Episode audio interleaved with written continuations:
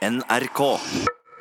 Doktor Hagen, i februar gikk du hen og tok deg en doktorgrad. Gratulerer. Takk for det. Hvordan var det? Det var egentlig sinnssykt kjekt.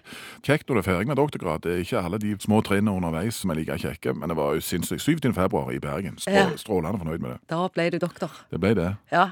Hva du tok eh, doktorgrad i? Det jeg har sett på, er langtidsendringer av kognitiv, intellektuell funksjon og psykologisk funksjon hos pasienter som lar være å ruse seg, og se hvor lang tid tar det før folk begynner å kvikne til i forhold til en drøss med forskjellige sånne livskvalitets- og kognitive Så folk planeter. som har vært rusavhengige av hva som helst, når de slutter med rus, hvor lang tid tar det før de har det fint igjen? Ja, for den har ofte tenkt at ok, hvis du har rust deg så og så lenge, så har du pådratt deg skader som liksom er evigvarende. Og, og, mange innenfor det fagfeltet som jeg eh, har, har skrevet i, nevropsykologi, så er det mange som har tenkt at ok, mye av dette er tapt forever og alltid.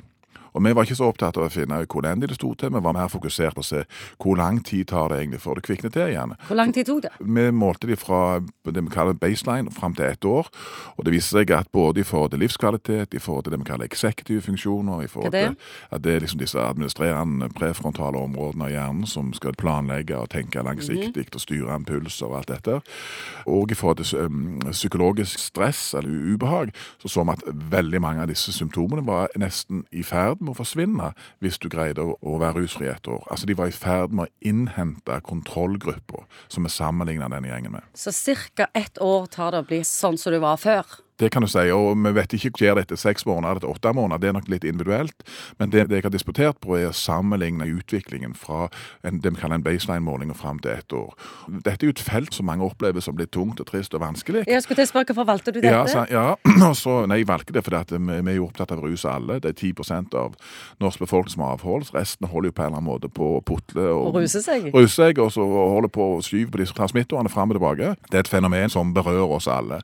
Det kjekke er jo at det er ikke en trist historie vi har å fortelle. Tittelen på denne pressemeldingen var at en rusfri periode er aldri forgjeves. Og det er et godt selling point. Du vil kvikne til angsten din, mange av disse tingene som du merker eh, treffer deg med en gang du slutter å ruse deg. De tingene der vil for mange av disse pasientene så å si forsvinne hvis du bare greier å være avholden i et år. Hvordan skal du bruke det du har lært? Jeg eh, arbeider på sentralsykehuset i Stavanger, og der skal vi fortsette å forske på Vi har mye mer data enn det jeg har disputert på, som har data faktisk opptil fem år på denne pasientgruppa. Så vi skal gjøre alt det vi kan på å få mest mulig pasientnyttige data ut av dette for å bedre behandlingen, eh, og bli mer treffsikker behandlingen, og for å kunne hjelpe pasientene der de faktisk er, og i forhold til disse kognitive og intellektuelle områdene. Fikk du noen overraskelser underveis når du holdt på med det?